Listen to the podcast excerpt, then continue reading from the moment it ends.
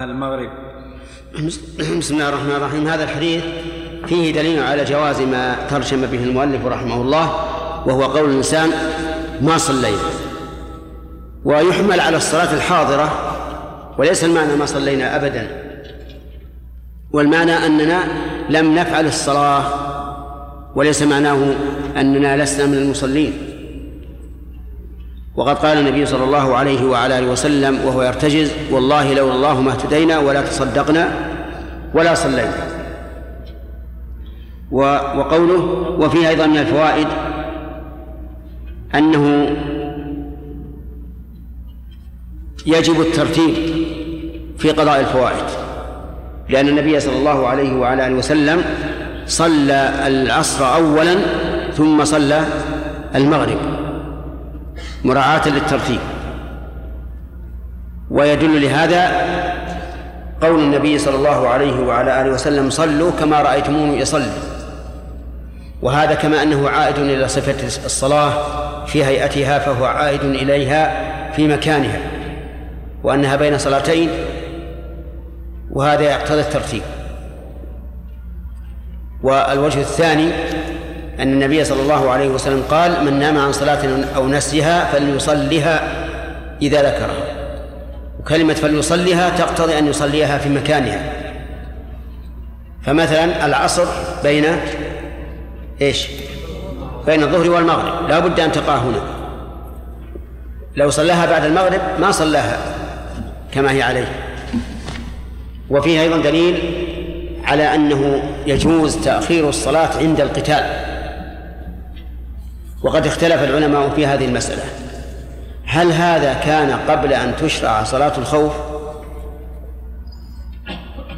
أو أن هذا في حال معينة وهو وهي شدة الخوف بحيث لا يتمكن الإنسان من من الصلاة إطلاقا. في هذا قولان والأرجح الثاني. يرجحه أمران. الأمر الأول أنه ماش على قواعد الشريعة.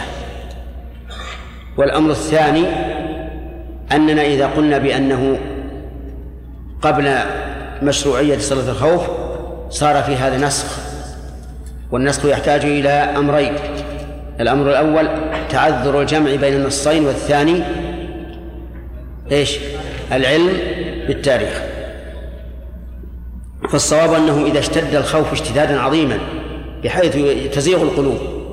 ولا يدري الإنسان ماذا يقول ولا ماذا يفعل فإن الله تعالى لا يكلف نفسا إلا وسعها فله أن يؤخر الصلاة ولو خرج الوقت. وفيه أيضا أن الوضوء واجب للصلاة.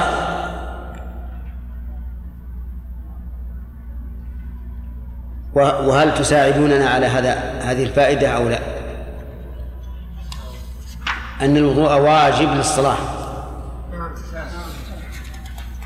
طيب. أو أن الوضوء مشروع للصلاة. نعم. مشروع لا خلاف فيه. لأن كلمة مشروع تصلح للواجب والمستحب. لكن واجب يؤخذ من هذا الحديث أنه واجب. لأن جمع مع حديث من منع الصلاة الناس يصليها وتذكرها لأنه لما أخر الصلاة ليتوضا دل على وجوبه لأن الأمر في الحديث الأول الوجوب ما ما يستقيم هذا لأن في أشياء مستحبة تفعل قبل الصلاة. كالراتبة مثلا. يعني نعم. لم يفعل شيئا إيش؟ هنا لم يفعل شيئا قبل قبل أن يصلي. لأن ما لها راتبة. نعم. الرسول صلى الله عليه وسلم لا صلاة لا دعنا من أن هذا معلوم عندنا أن الوضوء لا بد منه. لكن هل يؤخذ من هذا الحديث وجوب الوضوء؟ من هذا الحديث فقط. كيف؟ لأن الرسول صلى الله عليه وسلم على يعني خروج الوقت وقت العصر وضيق الوقت مع مع الحرب ما ما ترك ما صلى وقت ترك الوضوء وأول وقت وجب الوضوء قبل لا هو ال- ال- الظاهر أنه بعد غروب الشمس انفك القتال. وعلى كل حال المعروف عند العلماء أن مجرد الفعل لا يدل على الوجوب يعني مجرد فعل الرسول صلى الله عليه وسلم للشيء لا يدل على وجوبه إلا بقرينة أخرى. لكن هناك أدلة واضحة على أنه لا بد من الوضوء للصلاة لا يقبل الله صلاة أحدكم إذا أحدث حتى يتوضأ. نعم. باب باب الإمام يعرض له الحاجة بعد الإقامة. حدثنا أبو معمر عبد الله بن نسختي تعرض كلكم بالياء؟ التاء هذا هو الصواب. أقرب لأن الحاجة مؤنث تأنيث لفظي. نعم. حدثنا أبو معمر قال حدثنا عبد الله بن عمرو قال حدثنا عبد الوارث قال حدثنا عبد العزيز بن صهيب عن أنس قال اقيمت الصلاة والنبي صلى الله عليه وسلم يناجي رجلا في جانب المسجد فما قام إلى الصلاة حتى نام القوم. نعم. وظاهر وظاهر الحديث أن المدة طويلة ففيها دليل على جواز مناجاة الإنسان بعد إقامة الصلاة لكن من الإمام. أما من المأموم فلا يناجي لأنه لو ناجى لفاتته تكبيرة الإحرام. وإدراكها أمر مهم. وفيه أيضا وفيه أيضا جواز المناجاة في المسجد. وقد سبق لنا في الليلة الماضية أن أن الصحابة كانوا يتحدثون في أمر الجاهلية ويضحكون والنبي صلى الله عليه وسلم يسمع ويتبسم. وفي أيضا دليل مثل الحديث دليل على أنه لا تشترط الموالاة بين الإقامة وإيش؟ والصلاة. وأنه لو جرى بينهما تفريق فلا بأس. نعم. باب الكلام. يحيى. نعم. لا يسقط الترتيب بين الفرائض إلا إذا خاف فوت وقت الحاضرة الاضطرار والاختيار. أو إذا نسي أو إذا جهل. نعم. لا لا يسقط لإمكان الترتيب حتى مع مع الجماعة. افرض أنه فاتته صلاة الظهر ودخل والناس صلوا العصر. يدخل معهم بنية الظهر. حتى المغرب يدخل بنية المغرب.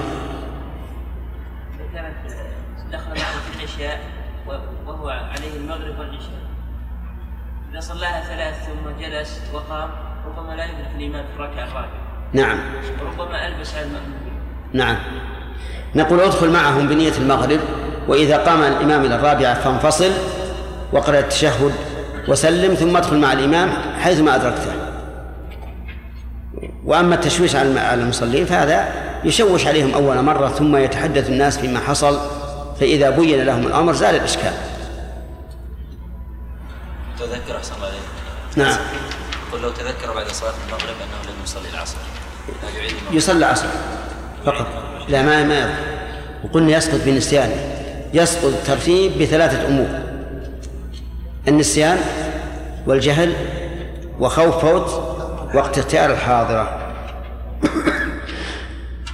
نعم. باب الكلام إذا أقيمت الصلاة. حدثنا عياش بن الوليد قال حدثنا عبد الأعلى قال حدثنا حميد قال سألت ثابتا البناني عن الرجل يتكلم بعدما تقام الصلاة فحدثني عن أنس بن مالك قال أقيمت الصلاة فعرض للنبي صلى الله عليه وسلم رجل فحبسه بعدما أقيمت الصلاة وقال الحسن إن منعته إن منعته أمه عن العشاء. الظاهر أن هذا زائد. هذا هذا زائد. عندكم موجود؟ لا هذا زائد. هو عندي لكنه بيجيب بالباب اللي بعده بنصه هذا الحديث كالأول وهو, وهو نفس الحديث الأول. لأن الذي رواه عن النبي صلى الله عليه وسلم هو أنس.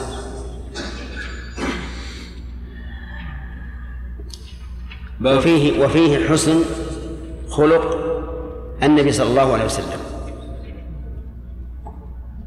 حيث وقف لهذا الرجل وجعل يحدثه حتى نام القوم. نسأل الله أن يرزقنا وإياكم اتباعه. أما نحن فنحن إذا دخلنا المسجد ما حد يكلمنا. نعم. لأن نعلم لو أحد كلم جاء الثاني يكلم وجاء الثالث يتكلم والناس اللي في الصف يتلفتون. نعم. ليش تحبسونه خلوه يجي يصلي بنا فنسأل الله أن يغفر لنا. ثم يقال أيضا ربما هذه الحال لم تحدث للرسول عليه الصلاة والسلام إلا مرة واحدة في العمر. أما لو فتحنا الباب وقلنا يسألوننا مثلا حتى يقيم آه، المؤذن ونحن نحبس الناس يكون مشقة. ثم إذا فعلنا هذا صار كل يوم. فنرجو الله تعالى المغفرة والرحمة. نعم. باب وجوب صلاة الجماعة. وقال الحسن إن منعته أمه عن العشاء في الجماعة شفقة لم يطعها. حدثنا عبد الله بن يوسف. هذا المؤلف رحمه الله أن الجماعة واجبة وهو كذلك. ووجوبها ثابت بالقرآن والسنة. ويمكننا أن نقول إجماع الصحابة. أما القرآن فقوله تبارك وتعالى وأقيموا الصلاة وآتوا الزكاة واركعوا مع من؟ مع الراكعين. والمعية تقتضي المصاحبة. وقال الله تعالى وإذا كنت فيهم فأقمت لهم الصلاة فلتقم طائفة منهم معك وليأخذوا أسلحتهم. فإذا سجدوا فليكن من ورائكم. فأمر بصلاة الجماعة في حال الخوف ففي حال الأمن من باب من باب أولى.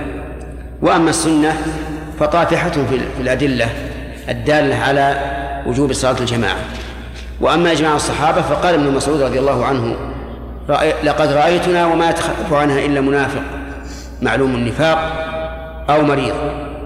بل قال لقد كان الرجل يؤتى به يهاد بين الرجلين حتى يقام في الصف.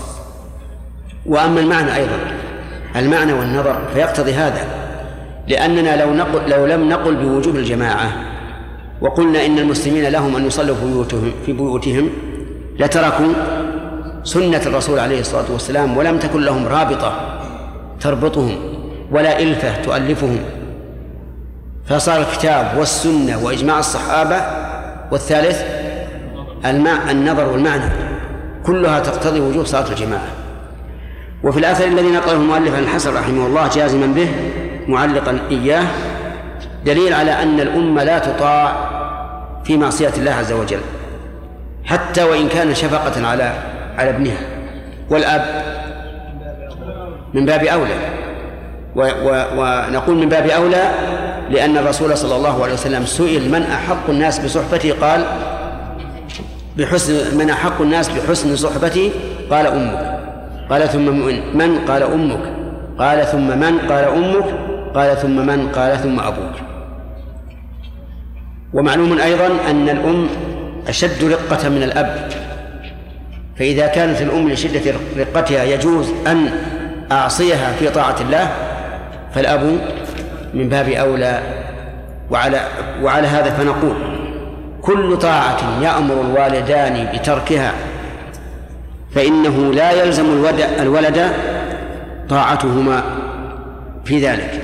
كل طاعة إلا إذا كان في هذا ضرر على الأبوين أما ما لا ضرر على الأبوين فيه فلا فلا طاعة لهما فيه ولا يحل لهما أن يمنع ولدهما من الطاعة كما يوجد بعض الناس مثلا يقول لا تذهب إلى إلى بلد آخر تطلب العلم كيف؟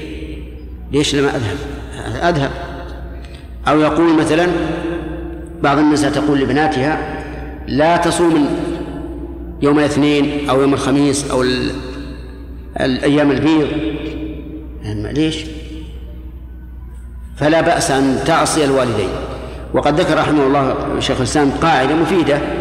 قال إنما تجب طاعة الوالدين فيما فيه منفعة لهما ولا ضرر على الابن فيه فيه.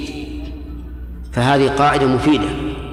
الذي ليس فيه ضرر على الابن ويش وفيه منفعة للأبوين. ليس مجرد تحكم. فإذا علمنا أيضا أنه منع من ذلك كراهة لهذا الأمر الديني كانت معصيته أوجب. يعني بعض الناس يقول لا تصرح لأبنائه لا تصاحب الطيبين. هؤلاء متشددون هؤلاء متفتفون هؤلاء فيهم كذا وكذا لا تصاحبهم. كراهة لما هم عليه من التمسك بالسنة فهذا معصيته أوجب يعني واجب معصيته لأنه إنما أراد كراهة الس... إنما كان إنما كان الحامل له على ذلك كراهة السنة وحمل ابنه على عدم السنة. نعم. سليم. صلاة الجماعة يا شيخ ما فيها أكثر من أمر الله سبحانه وتعالى في القرآن وقررها الرسول صلى الله عليه وسلم في السنة نعم. وعن أنهم على عليهم خوف من عدو. عدو مركز عليهم عليهم العداوة والقتل وعندهم مشقة حالهم ونفس الوقت لهم نعم. كيف يدور بقصة منا ومنا يا شيخ قال اللهم اهدنا فيمن هديت. قل اللهم اهدنا فيمن هديت. من يضل الله فلا هادي له. آمين آمين. وعافنا فيمن عافيت. وتولنا فيمن توليت. خالد. إذا إذا نسي صلاة الظهر ونسي صلاة العصر ولم يتذكر إلا قبل خروج وقت الظهر الاختياري أربع ركعات الاختياري. ما هو في في الظهر اختياري واضطراري؟ العصر. ها. صلاة الظهر والعصر. نعم. ولم يبقى عن وقت العصر. الاختياري إلا بمقدار أربع ركعات. إي نعم. فيقدم العصر لقول النبي صلى الله عليه وسلم وقت صلاة العصر ما لم تصفر الشمس. نعم. شيخ أحسن الله إليك. هل نلحق بالوالدين ولاة الأمور؟ هل؟ هل نلحق بالوالدين ولاة الأمور حتى حيث إذا امرونا بما ليس فيه معصية لله تعالى هل لا نطيعهم الا لا. ما ما نلحقهم ولاة الأمور تجب طاعتهم في المباح.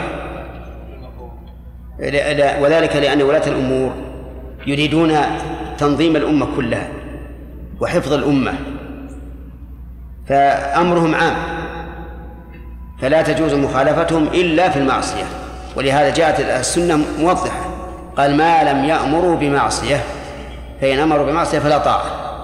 وظاهر الحديث حتى لو أمروا بشيء مكروه فإنه يجب طاعته. لأن معصية ولاة الأمور ما هي هينة. لكن معصية الأب إن ضرت فإنما تضر فردا فقط.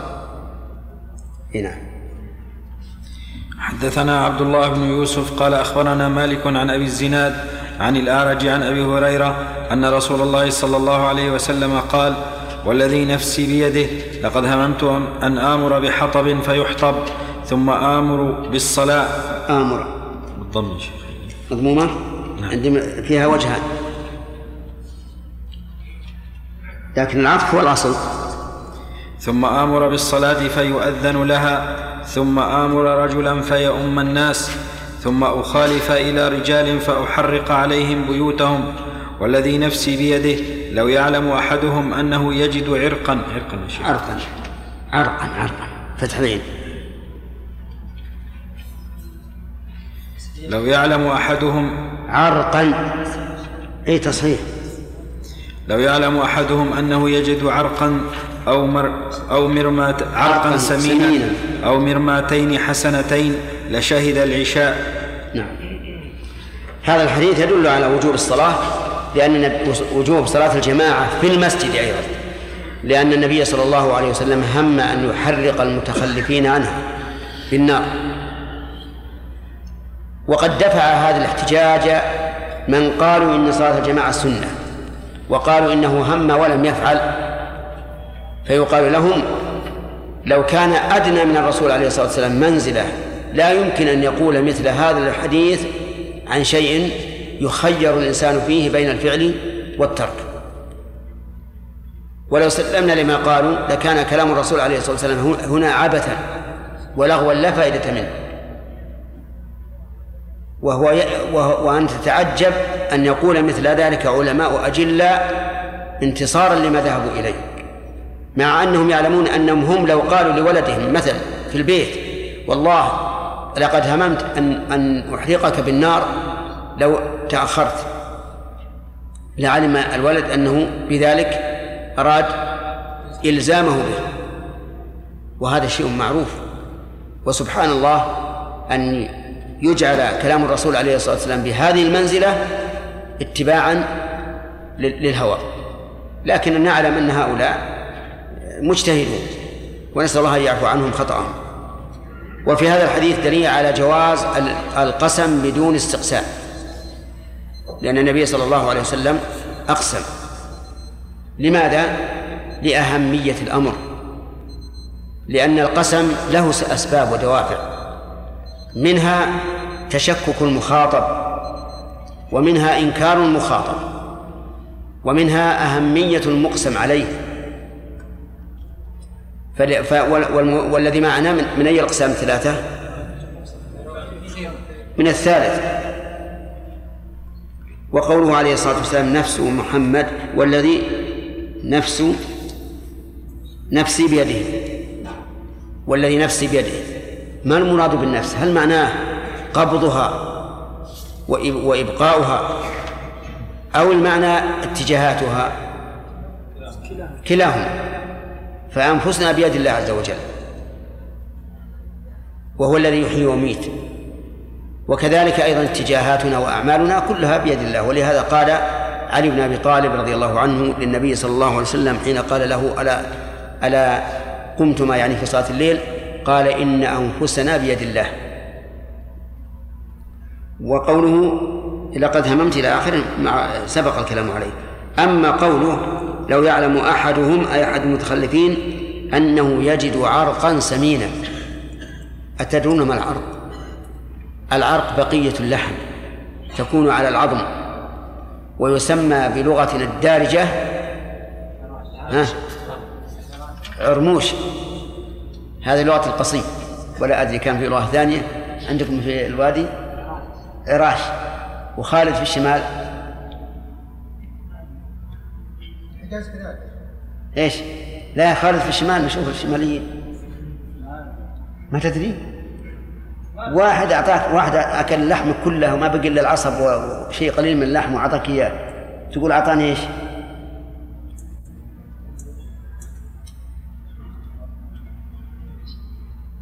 حجب كل ما وش وش أعطاك؟ طيب. المهم هذا هو هو العرق السمين أما المرماتان فقيل إنها إنهما ما بين ضلفي الشاة. الشاة لها ضلفان في أرجلها فما بينهما هو المرمات وقيل إن المرمات ما بين أضلاعي الشاة. وكلاهما زهيد وليس له قيمة عند الناس. فيقول الرسول عليه الصلاة والسلام لو أن أحدهم يجد هذا أو هذا لشهد العشاء. ولماذا خص العشاء لكثرة المتخلفين فيها؟ وإلا فالعشاء وغيرها واحد لكن لكثرة المتخلفين فيها يعني يأتي حتى مع المشقة يأتي ويشهد العشاء من أجل هذا العرموش أو المرمات. نعم. علي. إيش؟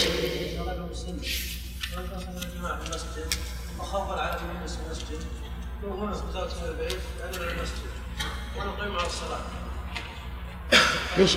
لماذا لا يحضر؟ لأن دائما أنا جالس في الصلاة في المسجد يعني عنده سلس. سلس أيه.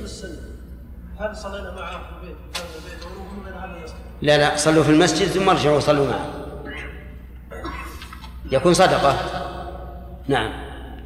الذين لا رد الذين يجوزون صلاة الجماعة. على في هذا الحديث فقال يدل على وجوب الجماعة في صلاة العشاء فقط. لا لا. الحديث أوله عام. أوله عام. لكن ذكر الرسول عليه الصلاة والسلام العشاء لأنها أشق ما يكون على هؤلاء. يقول مع مشقتها يحضرون لو يجدوا شيئا من قليلا من الدنيا. عبد الرحمن. اشكال حديث النبي عليه السلام. النبي عليه نهى عن أكل الكرات والبصل وقال ولا تقربوا مساجدنا نعم. ولا مسجدنا. قال فلو كانت الصلاة واجبة لكان اكل الكرات والبصل يعني سبب في إسقاط الوجوب أحسنت. فيكون محرم لذلك. نعم. هذا اعتراض جيد في ظاهره. لكنه في باطنه ليس له ارجل الآن السفر في رمضان جائز ولا حرام؟ وإذا سافر أفطر أو لم يفطر؟ أفطر. فجاز السفر مع أنه وسيلة للإفطار في رمضان المحرم. ولهذا لو لو سافر ليفطر صار حراما. ولو أكل البصل ليسقط الجماعة صار حراما. فأنت نقول لآكل البصل هل أكلته لئلا تصلي؟ إن قال نعم قلنا هذا حرام. والمسافر رمضان نقول هل سافرت لتفطر؟ إن قال نعم قلنا السفر حرام. أما إذا قال أنا أريد أن أسافر لغرض ديني أو دنيوي وكذلك آكل البصل قال أنا أريد أن أكله للتشهي أو للاستشفاء فلا بأس. والذي ونحن أسقطنا الجماعة عن آكل البصل ليس عقوبة له بل دفعا لأذاه. ولهذا علل النبي صلى الله عليه وسلم ذلك بقوله فإن الملائكة تتأذى مما يتأذى منه بنو آدم. ثلاثة. باب فضل صلاة الجماعة. وكان الأسود إذا فاتته الجماعة ذهب إلى مسجد آخر وجاء أنس إلى مسجد قد صلي فيه فأذن وأقام وصلى جماعة. طيب. بعد أن ذكر وجوبها ذكر فضلها. ومن المعلوم القاعدة الشرعية أن القيام بالواجب أفضل من القيام بالتطوع. لقول الله تعالى في الحديث القدسي ما تقرب إلي عبدي بشيء أحب إلي مما افترضت عليه. ثم ذكر الأثرين أولهما الأسود أنه كان إذا فاتته الصلاة في مسجد ذهب إلى مسجد آخر. وذلك من أجل إدراك الجماعة. وأن أنس إذا جاء إلى مسجد قد صلى فيه أذن وأقام وصلى جماعة. وفي هذا دليل على جواز إعادة الجماعة في المسجد الواحد. وأما أذان أنس بن مالك رضي الله عنه فيحمل على أنه لم يسمع الأذان. بمعنى أنه قدم إلى البلد مثلا وقد أذنوا وهو في البر لم يسمع أذانا فيؤذن. وأما من كان في المسجد في البلد فلا يشرع له إعادة الأذان. لأن الأذان قد سقط به سقطت مشروعيته بالأذان أذان البلد. وبناء على ذلك لو أدركك الوقت وأنت في السفر ثم قدمت المدينة بعد أن فاتت الصلاة فأذن وأقم ولو كنت في المسجد. وذلك لأنه أذن وأنت في مكان لم تسمع فيه الأذان. نعم.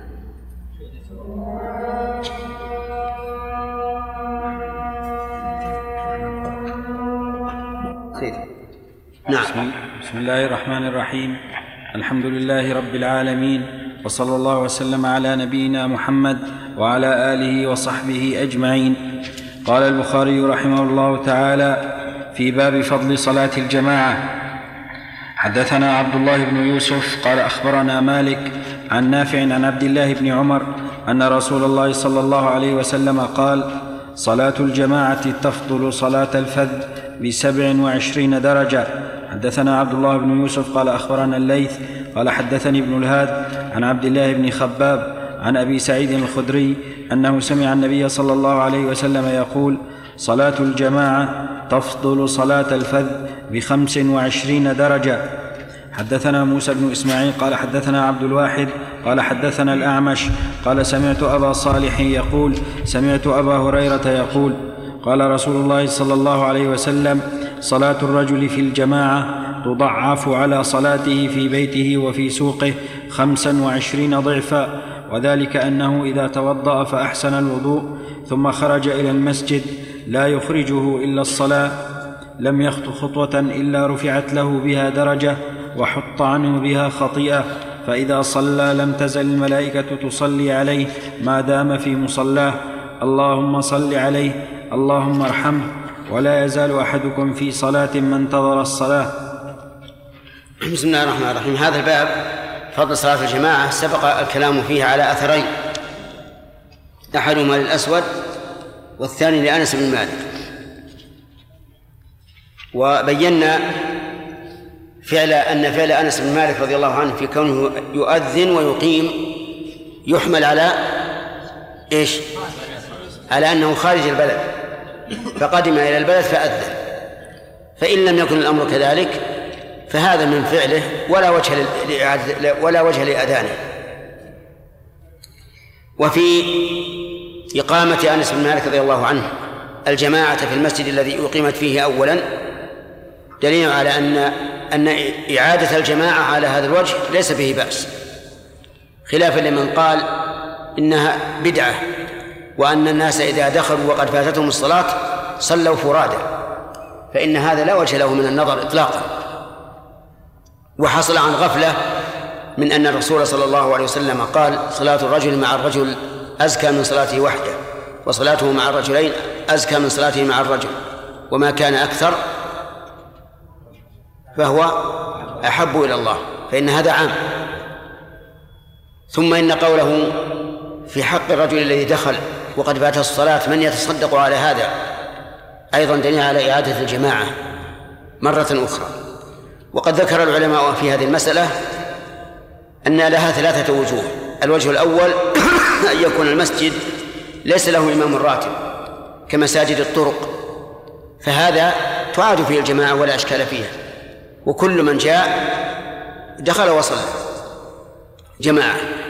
الثاني أن يتخذ هذا سنة راتبة تعاد الجماعة مرتين مثل أن يكون بعض الناس يرى استحباب تأخير الصلاة وبعض الناس يرى استحباب تقديمها فيأتي الذي يستحب التقديم فيصلي جماعة في هذا المسجد ثم يأتي الثاني فيصلي جماعة فهذا لا شك أنه بدعة وأن المسلمين يجب أن يتفقوا. والقسم الثالث بين بين أن يكون أن يدخل جماعة فاتتهم الصلاة فهؤلاء يصلون جماعة ولا أشكال في هذا. بقي أن يقال هل يدرك هؤلاء فضل الجماعة الأم أو لا؟ الظاهر أنهم لا يدركونها لا يدركون فضل جماعة الأم لكن ذلك خير من صلاتهم فرادا وأما ما روي عن ابن مسعود رضي الله عنه أنه دخل المسجد فوجههم قد صلوا فذهب رجع إلى بيته وصلى هناك فهذا إن صح عنه فقد روي عنه خلاف ذلك. أنه دخل في مسجد فصلى جماعة. فإن صح هذا وهذا فله قولان في المسألة. على أن رجوعه ولم يصلي في المسجد جماعة لا يعني أو لا يستلزم أنه لا يرى ذلك. إذ قد يكون يخشى لو لو أقام الجماعة الثانية لتهاون الناس. يتهاون الناس وقالوا هذا صاحب رسول الله صلى الله عليه وسلم. تفوته الصلاة ويقيم جماعة. وأيضا ربما يكون قد راعى قد راعى خاطر الإمام الأول. فلو فلو صلى جماعة بعده لا دار في خلد الرجل أنه تأخر لئلا يصلي خلفه أو لغير ذلك من الأسباب. فهي قضية عين تحتمل أمورا. لكن عندنا السنة النبوية واضحة جدا في إعادة الجماعة إذا كان هذا لغير لغير أمر الراتب. أما حديث ابن عمر وحديث أبو هريرة فقد سبق الكلام عليهما ولا حاجة إلى إعادتهما نعم.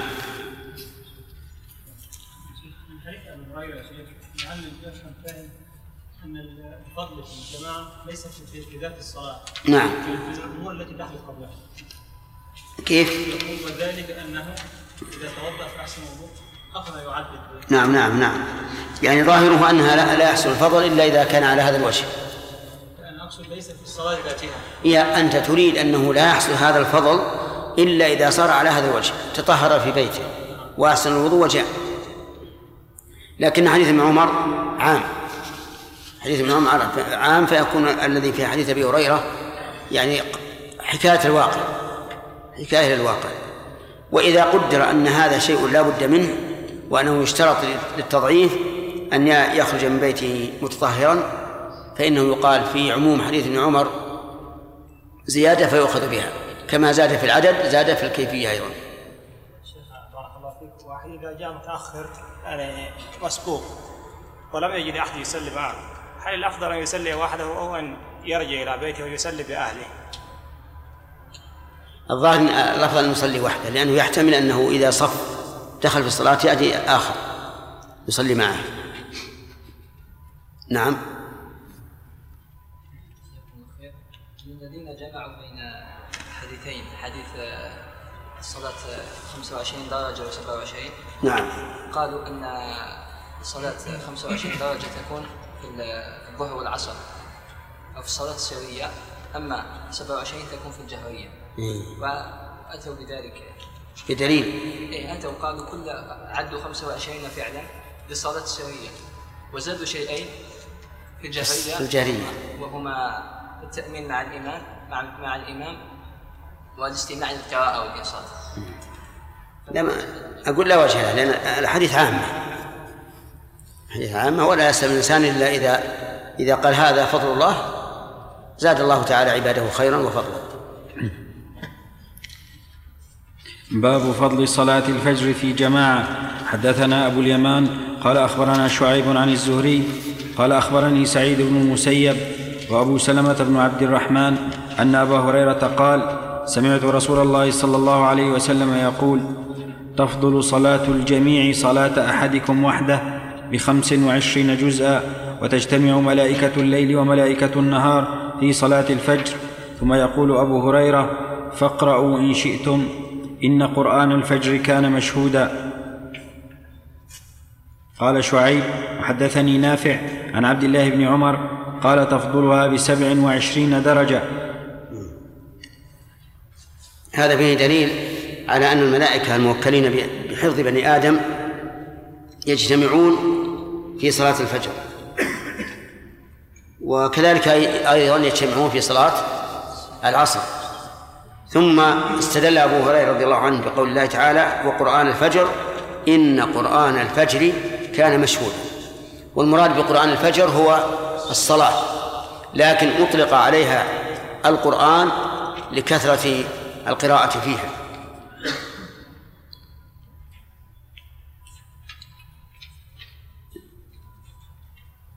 نعم. حدثنا عمر بن حفص قال حدثنا أبي قال حدثنا الأعمش قال سمعت سالما قال سمعت أم الدرداء تقول دخل علي أبو الدرداء وهو مغضب, وهو مغضب. فقلت ما أغضبك؟ فقال والله ما أعرف من أمة محمد صلى الله عليه وسلم شيئا إلا أنهم يصلون جميعا. المراد أبي الدرداء رضي الله عنه لما أعرف شيئا يعني من أمور الصلاة فيما يتعلق بأمور الصلاة يعني أنهم أخلوا في كثير منها. ولا يعرف من ذلك إلا أنهم يصلون جميعا. وإلا فهناك أشياء كثيرة معلومة في أبي الدرداء مثل الأذان والإقامة والصيام والزكاة وغير ذلك. لكن مراده مما يتعلق بإقام الصلاة. وإذا كان هذا في زمن أبي الدرداء وهو صحابي. وآخر الصحابة موتا من بلغ مئة وعشرة وعشر من السنين فما بالك بوقت الحاضر مضت دهور كبيرة كثيرة. فإذا كان تغير الناس في أمور صلاتهم من ذلك الوقت فهنا أيضا لا بد أن يتغير. لا بد أن يتغيروا ولكن كما تعلمون الدين إقبال وإدبار. أحيانا يكون في الناس من يقيمون دين الله وأحيانا يتغافلون وهكذا. كما شاهدتموه أنتم الآن وأنتم أحداث السن ومع ذلك عرفتم الفرق بين الناس قبل عشرين سنة وبين الناس اليوم. ولا ندري في المستقبل الله أعلم. الشيخ؟ نعم. شيخ لكن ما هي الأسباب حين ذاك في زمن أبي الدرداء؟ أسباب أنه رأى الناس مخلين في الصلاة. لا أسباب الإخلال أسباب هذا الضعف. أي أسباب أسبابها الغفلة أو التشاؤل بالدنيا بعد الفتوحات الإسلامية. لأن الرسول عليه الصلاة والسلام أقسم حين جاء أمام البحرين قال والله ما الفقر أخشى عليكم ولكن أخشى أن تفتح عليكم الدنيا فتنافسوها كما تنافسها من قبلكم فتهلككم كما أهلكتهم وهناك أيضا فتن حصلت. نعم. حديث النبي صلى الله عليه وسلم. إيش؟ والحديث لا يأتي زمان إلا والذي بعده شر. نعم.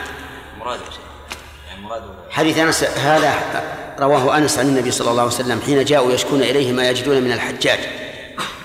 فقال هكذا والمراد في الولاية المراد في الولاية يعني أن الولاة لا ينتقلون إلى خير هذا هو الأصل وربما يأتي الخير بعد ذلك. عمر بن عبد العزيز رحمه الله بعد هذا القول وكان من خيرة الخلفاء بل إن بعضهم قال إنه هو الخليفة الخامس للخلفاء الراشدين الذين عينوا بأسمائهم.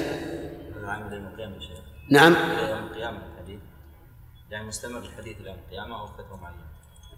ظاهر قول حتى تلقى ربكم يعني إلى يوم القيامة. وليس المراد حتى تموتوا أنتم. نعم. أحسن الله إليك. هل يدخل في حديث أنس ولا يقعد في بيته على تكريمته إلا بإذنه؟ محله الخاص مثلا كسريره وفراشه. كيف؟ قوله في الدرس السابق درس البارحة أي هذاك مسلم. مسلم هنا ما يمكن يلبس الثوب هذا هذا لكن لا لا مانع. نعم.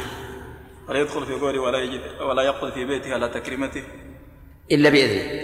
أي نعم إلا بإذنه. هل يدخل في يعني المحل الفراش كفراشه وسريره محله الخاص الذي يجلس ولا إلا الضيافة فقط. والله عام الحديث. حتى مثلا ما قدم إكراما للضيف كالسرير والكرسي و لا يكون إلا بإذنه. لكن في الغالب أنه إذا إذا قدم وضع لك الفراش وفرشه ومسحه نعم وش معنى هذا؟ نعم ولا بيقول لك حالك كل الليل وأنت جالس والفراش ما في احد نعم هو على كل حال الأحسن يقول تفضل نم لكن ما يحتاج إلى يقول. يعني الغداء أو العشاء جرت العادة إنه يقول تفضل. حتى لو قدمه قال تفضل. لكن الفراش ما جرت العادة بهذا. متى وجده مفروشا أو فرشه أمامه فهذا يعني الإذن. وقلنا لكم أيضا في الدرس الماضي أن الإذن يكون اثنين. عرفيا ولفظيا. نعم. حدثنا محمد بن العلاء قال حدثنا أبو أسامة عن بريد بن عبد الله عن أبي بردة عن أبي موسى قال قال النبي صلى الله عليه وسلم أعظم الناس أجرا في الصلاة أبعدهم فأبعدهم ممشى والذي ينتظر الصلاة حتى يصليها مع الإمام أعظم أجرا من الذي يصلي ثم ينام. هذا سبق الكلام عليه في في مسلم. ولا مانع أن ينقل ما في مسلم إلى هذا أو ما في هذا إلى مسلم. نعم. ها؟ والاخ قراه ابن العلاء. لا إحنا عند ابن العلاء. صححه أصبر شوف الك- كلام الحافظ.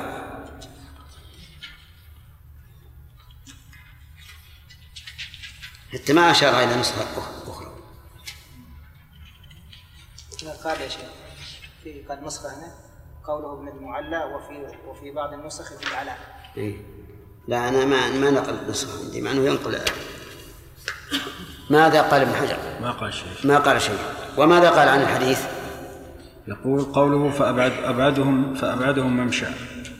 من هنا بدأ يا شيخ. نعم.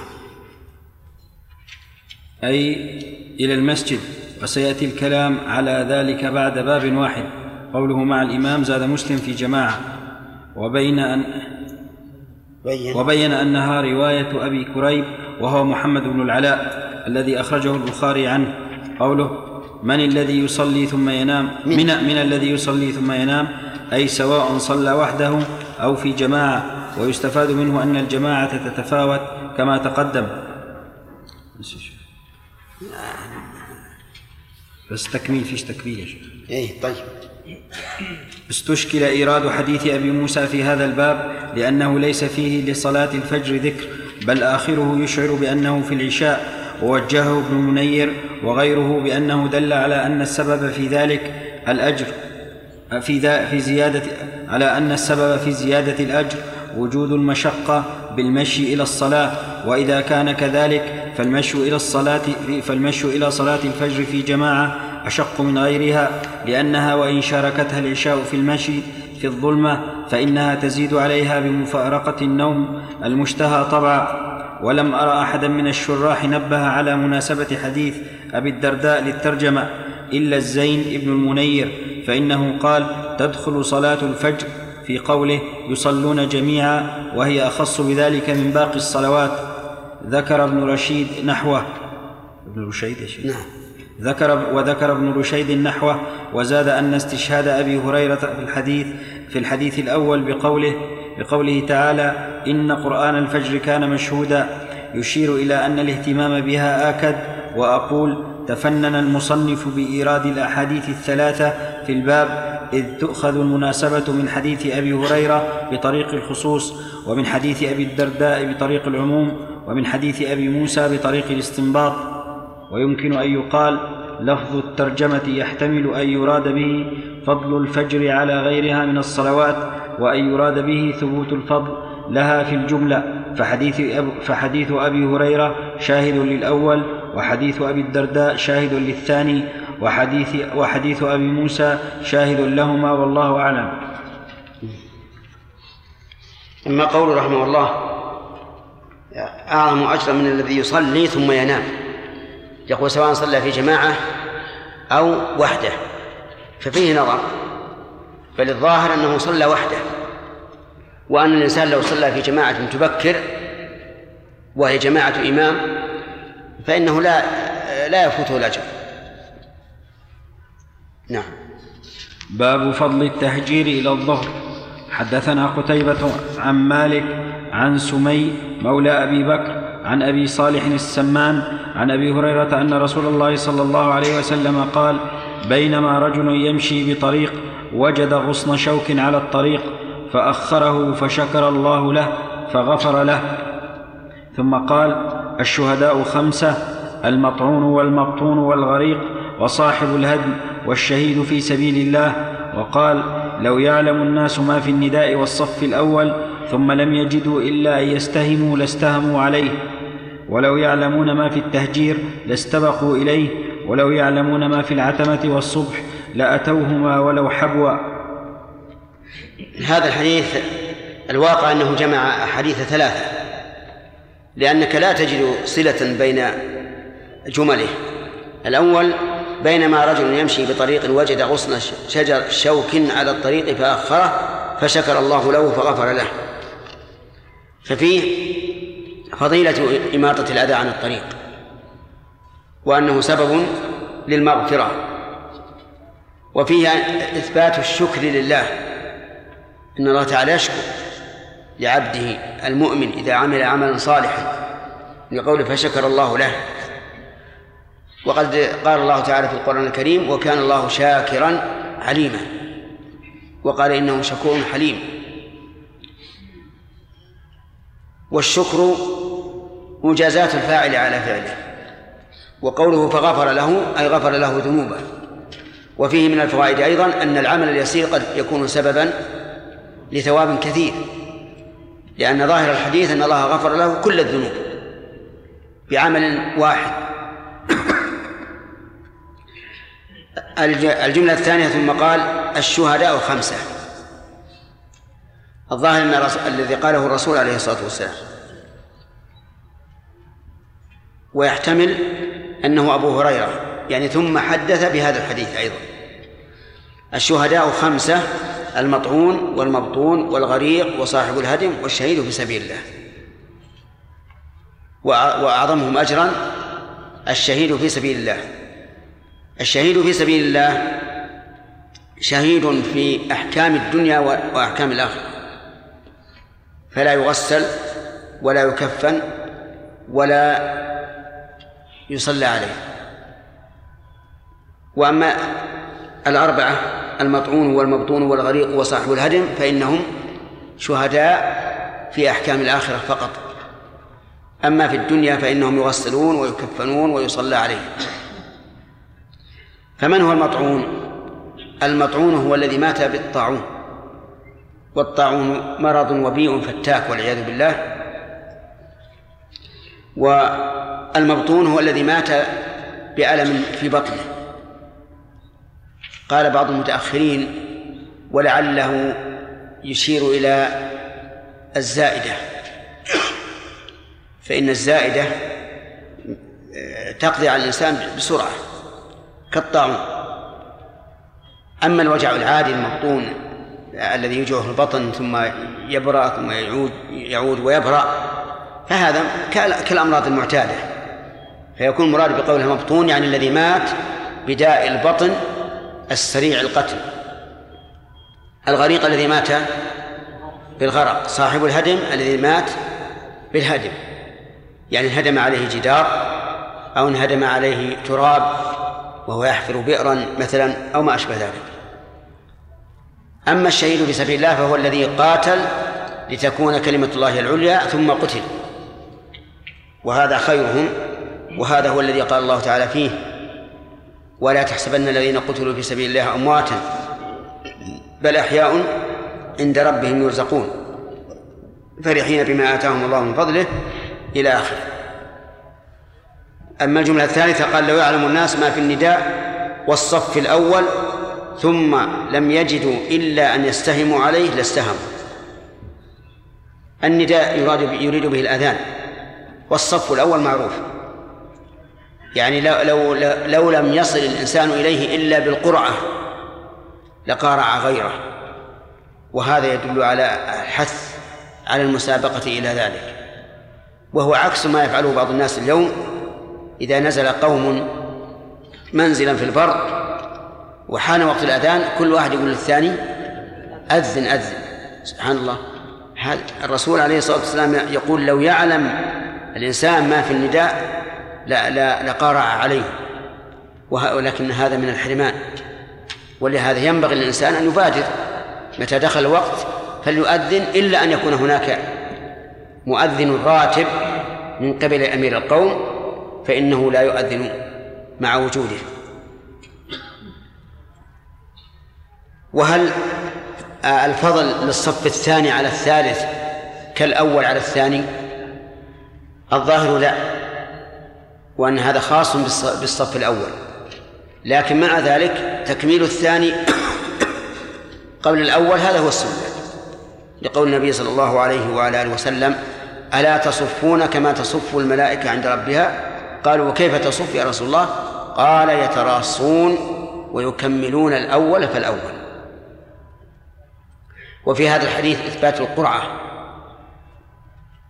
وقد ذكرت القرعة في القرآن كم مرة؟ مرتين. ونطالب الأخ محمد شرافي بالثالثة. أو أو الإضراب عما سبق. أحسنت. طيب. المرة الأولى. قوله تعالى وما كنت لديهم إذ يلقون نعم. والثانية. الثانية في سورة الصافات قوله تعالى فساهم فكان من المدحضين أحسنت. فساهم فكان من المدحضين لكن يشترط في المساهمة أن لا تجري مجري مجرى القمار. فإن جرت مجرى القمار صارت حراما. لا تحل. مثال ذلك رجلان شريكان في كيس من البر على وجه سواء. إذا أردنا نقسمه كيف نقسمه؟ أنصافا متساوية فقال بعضهما لبعض نقسمه أثلاثا ثم نساهم. أينا يكون له ثلثان؟ فهذا حرام. لأنه سيكون الثاني سيكون كل واحد منهما إما غانما وإما غارما. فيشترط في القرعة أن لا تكون خارجة مخرج القمار. ولهذا أنكرها بعض العلماء قال لأنها تشبه القمار. فيقال لا لا تشبه القمار لأن القمار يت... يكون فيه الغرر وهذه ليس فيها غرر ولكن كيف نساهم؟ كيف نقنع؟ بإيش؟ هذا بحسب حسب العادة. يعني ما عين. ولهذا كان كانت القرعة في قوله وما كنت لديهم إذ يلقون أقلامهم قرعة عجيبة. ما يعني ما ما نتصورها أو أحد يفعل يفعلها الآن. وعلى هذا فتكون القرعة على حسب إيش؟ على حسب ما ما, ما يتفقان عليه. مثلا آه، يقول مثلا واحد اثنين ثلاثة أربعة هي الم- ال- ال- المستهم عليها. يحط واحد مثلا نواة. النواة باسم فلان. والثاني حجر باسم فلان. والثالث خشبة باسم فلان. والرابع ورقة باسم فلان. يتفق مع آخر ثم يعطونها رجلا ثالثا ويقول آه، ارمي هذه الأشياء على على هذه المستهم عليها. فيفعل فتصح القرعة أو يكتب أو بأوراق يكتب علامة صح أو علامة خطأ. المهم على حسب ما يتفقون عليه تحصل القرعة قال ولو ي... ولو ي... نعم. الجملة الرابعة. الرابعة ولا ولا الثالثة؟ الرابعة. ولو يعلمون ما في التهجير لاستبقوا إليه. التهجير يعني التبكير إلى إلى صلاة الظهر. مأخوذ من الهاجرة أو أن المراد الذهاب في الهاجرة مبكرا كان أو متأخرا.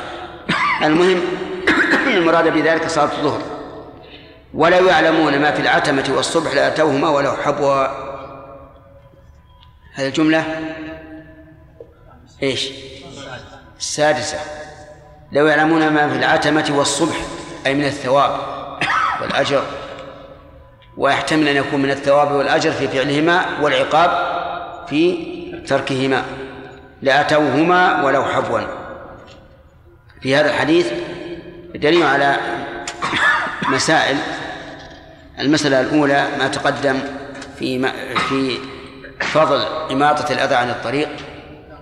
والثاني ومنها أن العمل اليسير قد يكون سببا لثواب كثير. ومنها بيان أقسام الشهداء. أو أنواع أنواع الشهداء. أنواع وليس أقسام. وأنهم خمسة. وهل هل هذا على سبيل الحصر أو على سبيل التمثيل؟ الظاهر الثاني وأن الحريق والمخنوق المات بخنق مثلا مواد سامة اختنق بها وما أشبه ذلك كله داخل في هذا الحديث. وكذلك الميت بحادث سيارة أو غير هذا. المهم أن كل ما شابه هذا فإن له حكمه. قد يقول قائل هذا قياس في الثواب.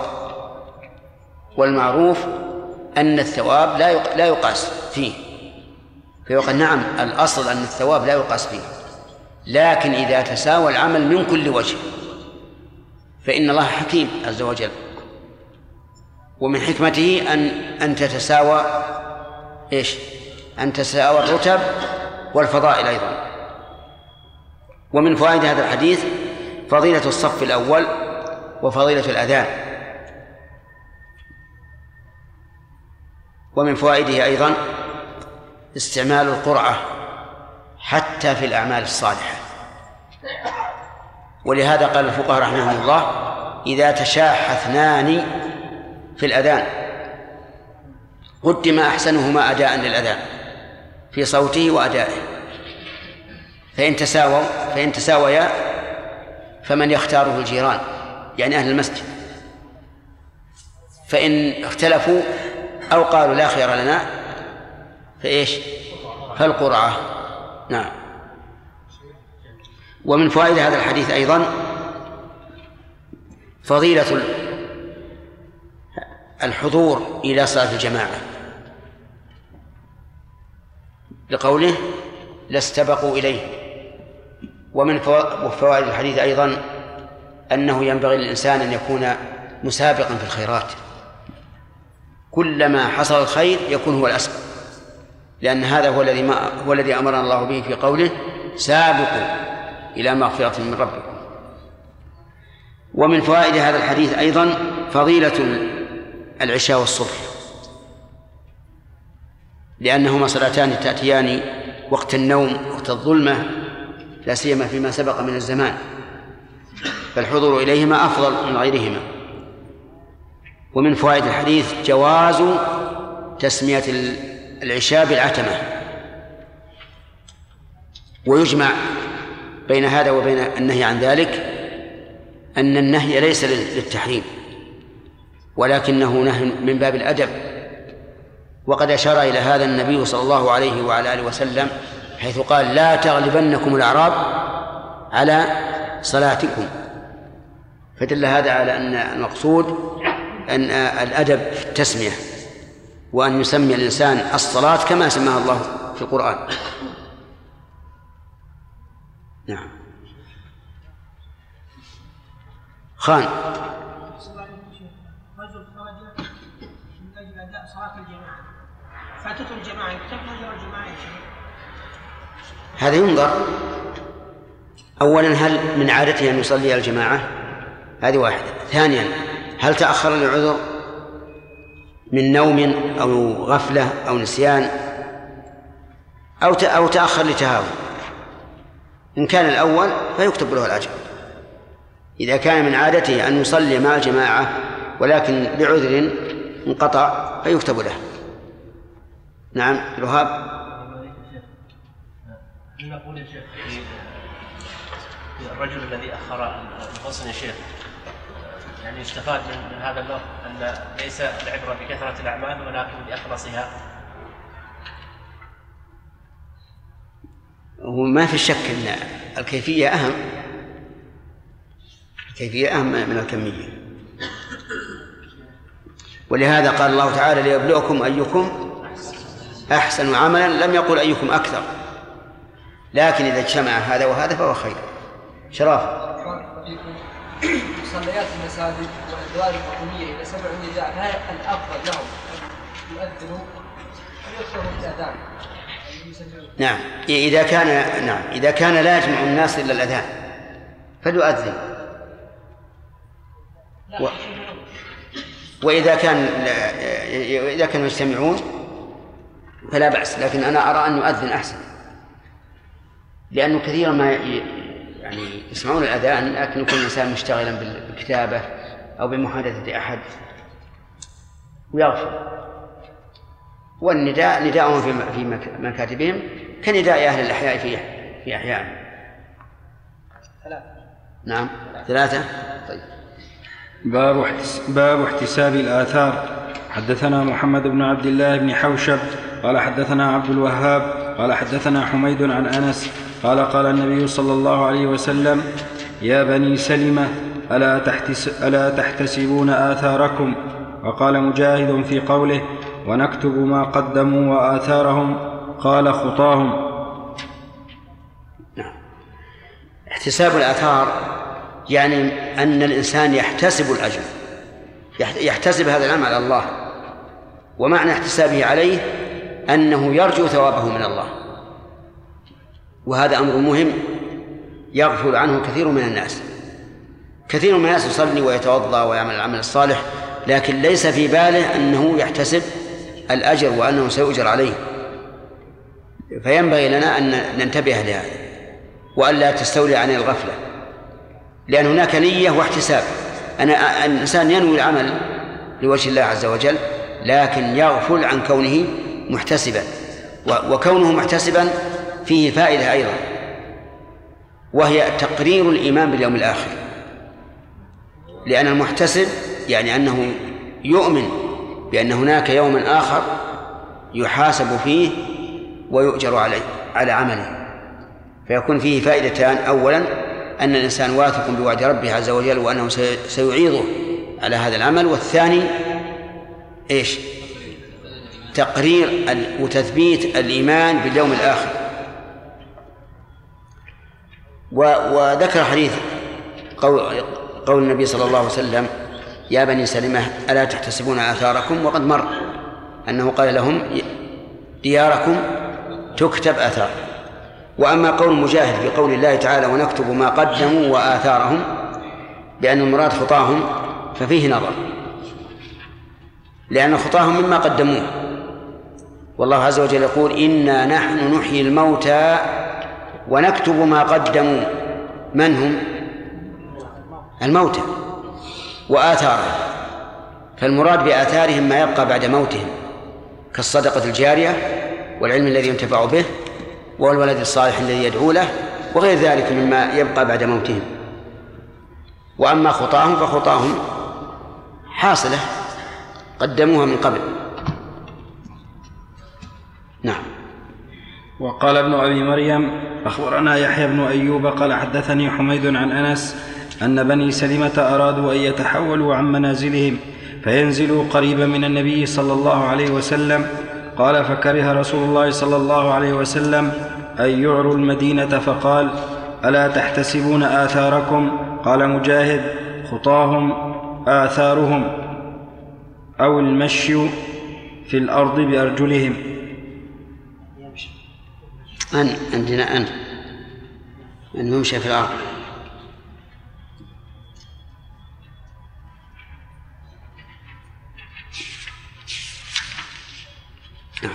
باب فضل العشاء في الجماعة. حدثنا عمر بن حفص قال حدثنا أبي قال حدثنا الأعمش قال حدثني أبو صالح عن أبي هريرة قال قال النبي صلى الله عليه وسلم ليس صلاة أثقل على المنافقين من الفجر والعشاء ولو يعلمون ما فيهما لأتوهما ولو حبوا لقد هممت أن آمر المؤذن فيقيم ثم آمر رجلا يؤم, الناس ثم آخذ شعلا من نار فأحرق على من لا يخرج إلى الصلاة بعد.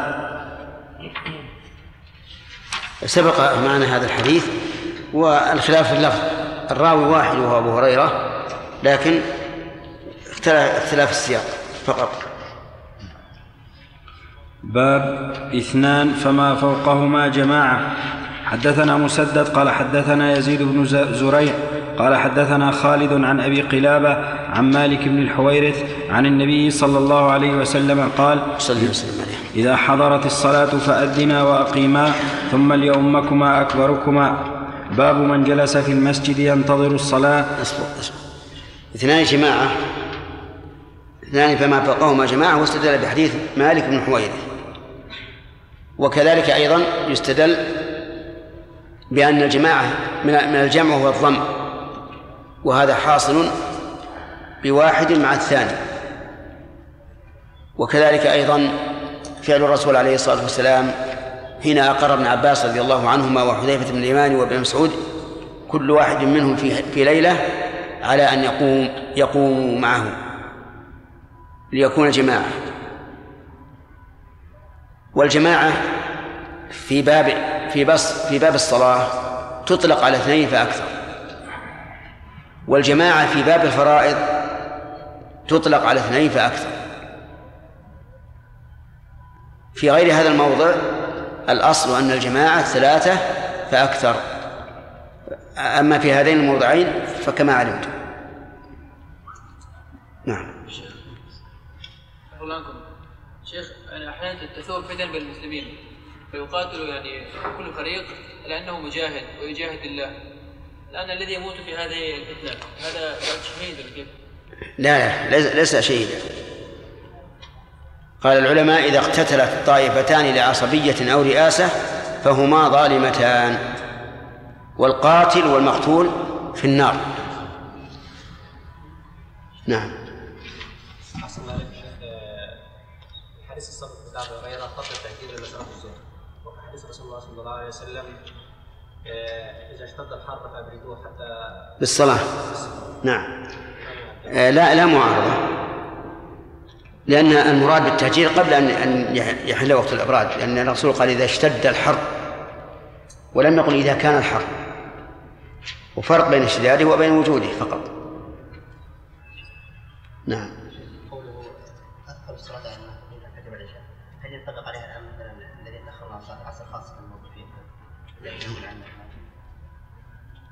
يقول هل يدخل في هذا ثقل صلاة العصر على المنافقين على الموظفين وأن يكونوا مشبهين للمنافقين في ذلك؟ الظاهر نعم بل أولى لأن صلاة العصر أفضل من صلاة الفجر وأفضل من صلاة العشاء. باب من جلس في المسجد ينتظر الصلاة وفضل المساجد. حدثنا عبد الله بن مسلمة عن مالك عن أبي الزناد عن الأعرج عن أبي هريرة أن رسول الله صلى الله عليه وسلم قال الملائكة تصلي على أحدكم ما دام في مصلاه ما لم يحدث. اللهم اغفر له اللهم ارحمه. لا يزال أحدكم في صلاة ما دامت الصلاة تحبسه. لا يمنعه أن ينقلب إلى أهله إلا الصلاة. حدثنا محمد بن بشار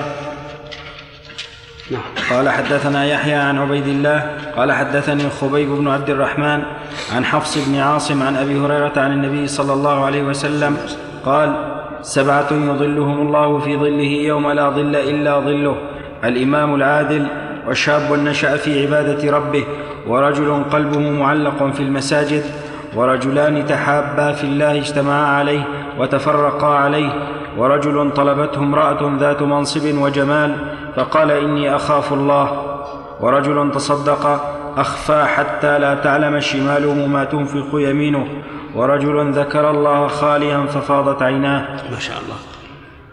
الشاهد قوله ورجل قلبه معلق في المساجد.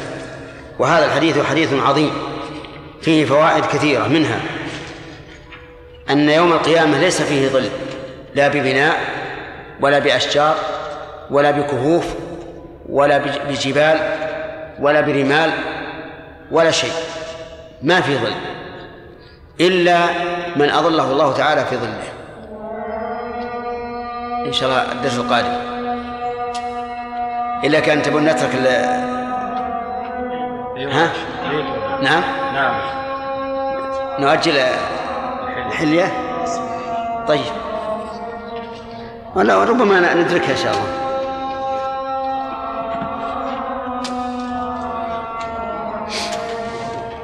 الفوائد نشوف ننظر. قوله صلى الله عليه وعلى آله وسلم سبعة يظلهم الله. هل المراد سبعة أشخاص؟ أو أو المراد سبعة أصناف؟ الثاني لا شك في هذا نعم. آه، وقوله الإمام العادل. من هو العادل؟ العادل هو الحاكم بشريعة الله. الذي لا يفضل أحدا لقرابته أو لصداقته أو لغير ذلك. حاكم بشريعة الله. لأنه لا أعدل حكما من الله عز وجل. والثاني شاب نشأ في عبادة الله. في عبادة ربه. نشأ أي منذ الصغر. وهو في العبادة. لأن هذا صارت العبادة كأنها غريزة له ألفها وأحبها حتى إنه إذا انقطع يوم من الأيام عن عبادته تأثر. والثالث رجل قلبه معلق في المساجد. معلق في المساجد ليؤدي ما ما بنيت له المساجد. وأما المعلق قلبه بالمساجد لأنه فراش فلا يدخل في هذا الحديث. أو معلق قلبه بالمساجد لأن عنده شغل في هذا المسجد. فلا يدخل. إنما يدخل إنما المراد من قلبه معلق بالمساجد لإيش؟ ها؟ ليؤدي ما بنيت له المساجد من قراءة وذكر وصلاة وغير ذلك. ورجلان تحابا في الله اجتمعا عليه وتفرقا عليه. تحابا في الله أي في شريعة الله عز وجل. ليس بينهما صلة توجب المودة إلا أنهما قائمان بشريعة الله. لم يتحابا لقرابة ولا لصداقة ولا لانتفاع بمال ولا غير ذلك. إنما هو لله عز وجل. اجتمع عليه وتفرق عليه. اجتمع عليه وبقي متحابين في الله حتى تفرقا. هذا معنى وتفرق عليه. تفرق بإيش؟ بموت أو سفر أو ما أشبه ذلك. والثالث ما هو الثالث؟ رجل طلبته امرأة ذات منصب وجمال فقال إني أخاف الله. طلبته يزني بها. ذات منصب وجمال. يعني ليست من ذوات الدون التي ليست حسيبة ولا شريفة وليست قبيحة بل هي ذات جمال وذات منصب ففيها ما يكون إغراء للمطلوب. لكن هذا الرجل قال إني أخاف الله. ويؤخذ من هذا الحديث أنه ليس عندهما أحد بل هما في في خلوة. لأنه لأنه لو كان عندهما أحد لم لم تطلبه ولأنه لو كان عندهما أحد لم يقل إني أخاف الله بل لقال عندنا أحد. ففيه الإخلاص لله عز وجل في ترك الإجابة. السادس رجل تصدق بصدقة فأخفاها حتى لا تعلم شماله ما تنفق يمينه. أخفى الصدقة. ولم يعلم بها أحد. حتى لا تعلم شماله ما تنفق يمينه. فما معنى هذه الجملة؟ هل المراد حتى لا يعلم من كان عن شماله ما أنفقته يمينه؟ أو المعنى أنه لقوة الإخفاء صارت يده اليسرى لا تدري ما أنفقت يده اليمنى. الثاني. وهذا من باب المبالغة في الإخفاء. السابع والأخير رجل ذكر الله خاليا ففاضت عيناه. خاليا من الناس أو من ذكر الدنيا وما يتعلق بها أو منهما جميعا. نعم؟ أنتم دائما يعني تشوفون اللي اختار. الله. نعم؟ طيب خاليا من الناس لا وخاليا أيضا من المشاغل. يعني أنه ذكر الله مخلصا لله عز وجل. ما في قلبه تلك الساعة إلا الله سبحانه وتعالى. وخاليا من الناس. أما الأول فلأن الإنسان قد تفيض عينه إذا ذكر الله لأنه تذكر صديقا له أو حبيبا له أو أو قريبا له ثم فاضت عيناه. عند هذا الذكر الذي كان يشتغل به معه من فقده. يعني ذكر ميتا. كانوا وياه مثلا يصلون في المسجد يتهجدون في الليل. فذكر الله وتذكر في هذه الحال من كان معه. هذا لم يكن فيض عينه إخلاصا لله بل لأجل ما تذكره من الحال مع صاحبه. ولهذا نقول خاليا إيش؟ خاليا قلبه من ذكر ما سوى الله. كذلك أيضا خاليا في المكان. ليس عنده أحد لأن من كان عنده أحد ربما تفيض عيناه لنوع من الرياء. نسأل الله العافية والسلامة هؤلاء سبعة. بدأ بهم النبي صلى الله عليه وسلم بالإمام العادل لأنه أعظمهم مشقة أشق ما يكون على الإنسان العدل فيما والله فيما والله الله عليه. أليس كذلك؟ والإمام العادل عنده من السلطة ما يهون عليه الجور لأنه لو جار من يخاطبه؟ سلطة عليا. لكنه لا يخاف إلا الله عز وجل. فعدل في من ولاه الله عليه وفيما ولاه الله عليه في من وفيما ولاه الله عليه. والمراد بالإمام ذو السلطة العليا ولا يشترط أن يكون ذا سلطة عليا لجميع المسلمين لأننا لو قلنا كذلك لكانت الأمة الإسلامية لا إمام لها منذ أزمنة بعيدة.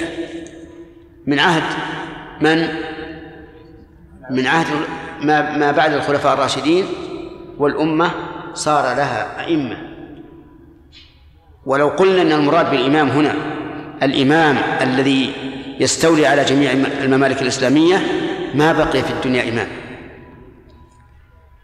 فالإمام ذو السلطة العليا في قومه الذي ينفرد بحكومته ودولته. فمثل هنا في السعودية من إمام أهل السعوديين؟ إمامهم الملك. نعم. وكذلك أيضا في الأماكن الأخرى إمامهم من يتولى رئاسة البلد. الثاني طيب هل من له إمارة دون الإمامة إذا عدل في من أمره الله عليه؟ هل يدخل في الحديث؟ لا. لا يدخل. لأن فرق بين الإمام وبين الأمير. الأمير قد يعدل خوفا من من الإمام. فليس عدله بخالص. لكن الإمام من يخشى؟ إذا عدل لا يخشى إلا الله. فالأمير لا يدخل.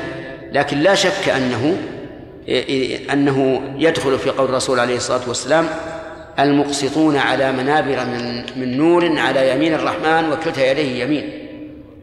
المقسطون في في أهليهم وما والوا. فإن هذا الحديث يدل على أن العادل وإن لم يكن إماما يكون على يمين الله عز وجل. جعلنا الله وإياكم منهم. لكنه لا ينال هذا الأجر العظيم الذي هو ظل الله يوم القيامة. ومن فوائد هذا الحديث نعم أن المراد بالظل هنا قبل أن نتجاوزها هل أن المراد أن الله نفسه يكون ظلا عليه؟ لا أبدا ولا يجوز هذا إطلاقا ونحن نشهد أن الرسول ما قال هذا ما أراد هذا. المراد أنه في يوم القيامة ليس عندك بناء ولا خيمة ولا جبل ولا كهف يذره الله عز وجل قاعا صفصفا لا ترى فيها عوجا ولا أمتا حتى الإنسان ما, ما لا ليس معه ثوب وليس معه شيء يستظل به إلا ظلا يخلقه الله عز وجل يظلل عليه. وهذا كقوله كل امرئ في ظل صدقته يوم القيامة. وحدثني إحدى نسائنا في زمان سابق أن رجلا كان بخيلا وكان ينهى أهله عن الصدقة. وفي يوم من الأيام رأى في المنام أن القيامة قد قامت وأن الناس في غم وكرب وظل وشمس حارقة. يقول فرأى كساء ظلل عليه. وفيه ثلاثة خروق. تبدو منها الشمس. ثم جاءت تمرات فسدت هذه الخروق. ثلاث تمرات. وجاء إلى أهله وحدثهم بالحديث وقالوا يعني منزعج من هذا الحديث. قالت نعم إنها أتته, أتته مسكينة ليس عليها ثوب فأعطتها ثوب ثوبا من البيت وليس معها يعني طعام فأعطيتها ثلاث حبات من التمر. سبحان الله فأرخى لها العناء الرجل وقال تصدقي بما شئت. سبحان الله توفيق. وهذا يؤيد الحديث كل امرئ في ظل صدقته يوم القيامة. ورد في بعض ألفاظ الحديث في ظل عرشه وهذا أيضا فيه نظر. يحتاج إلى تثبت في صحة نقله. لأن العرش معروف أنه فوق المخلوقات كلها. والشمس تدنو من الناس يوم القيامة بمقدار ميل.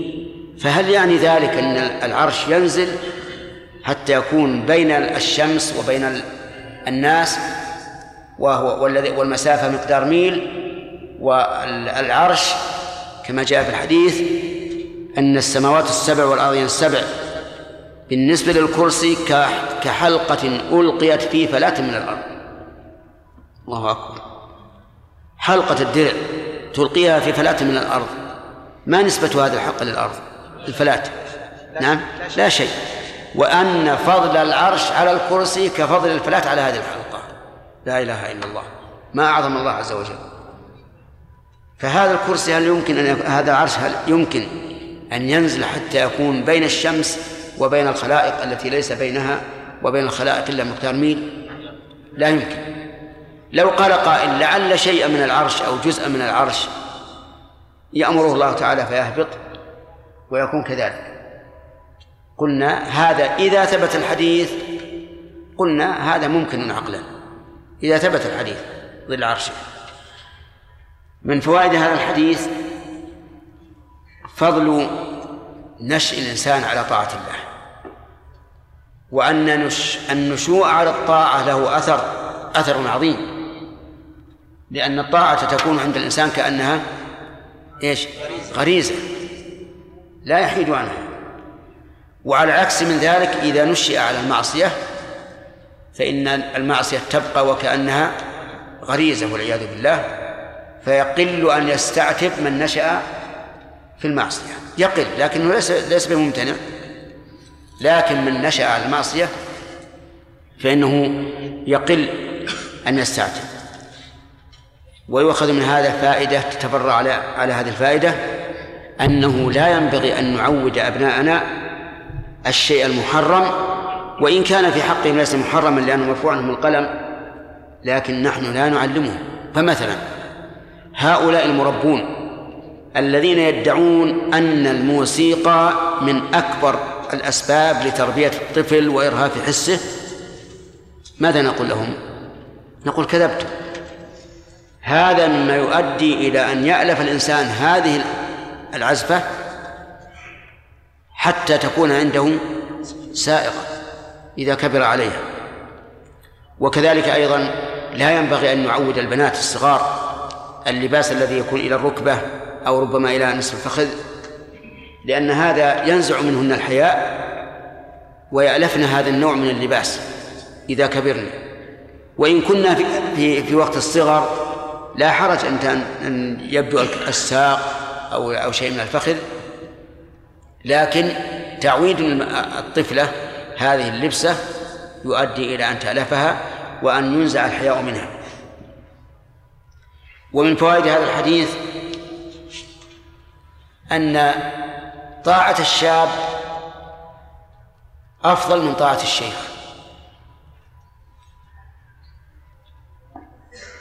من يؤخذ من قول الشاب نشأ وذلك لقوة الداعي إلى الضلال في الشباب قوة الداعي وكثرة الصوارف عن الحق. فاستمساكه بدينه يكون أفضل من استمساك الشيخ. الشيخ يعني نعم الشيخ يقول إنه قرب أجله فيستعد لكن الشاب يرى أن الدنيا أمامه بعيدة. فإذا أطاع الله تعالى ونشأ في الطاعة كان أفضل من شيخ مشرف على القبر. من فوائد الحديث أيضا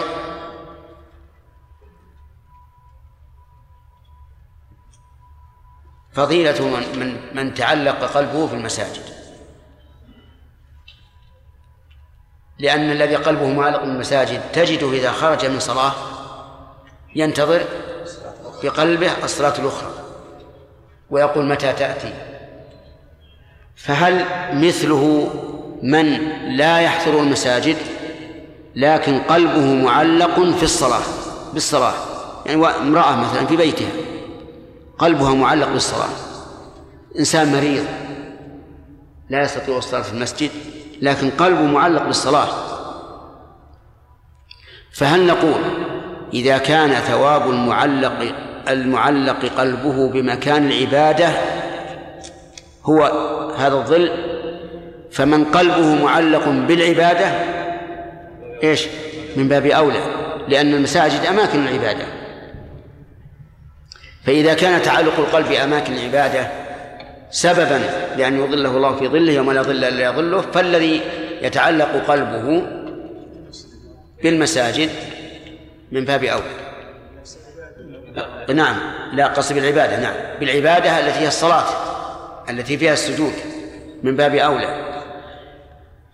وربما يؤيد ذلك قوله تعالى وأن المساجد لله فلا تدعو مع الله أحدا فإن بعض العلماء قال المساجد يعني الصلوات لأنها تشتمل على السجود. الظاهر لي هذا أن الذي معلق قلبه بالصلاة سواء كان يؤديها في المسجد أو يؤديها في البيت لعذر أو لكونه ليس من أهل الجماعة يدخل في الحديث. طيب والذي قلبه معلق بالله؟ أشد وأعظم. نعم. أعظم. إيش الشد وأعظم؟ أعظم حب يعني أجرا. نعم. أعظم أجرا. يعني معناها أحق من هؤلاء بالظل؟ نعم. الذي قلبه معلق بالله عز وجل دائما مع الله في شرعه وقدره هذا لا شك أنه في في أعلى المراتب بعد النبيين والصديقين إن لم يكن من الصديقين. ولذلك ينبغي لنا أن نذكر الله دائما بقلوبنا في الخلوات. حتى وأنت تطالع آه، دروسك فإن دروسك من شريعة الله أو من الوسائل التي تعين على فهم الشريعة كعلم النحو والبلاغة وما أشبه ذلك.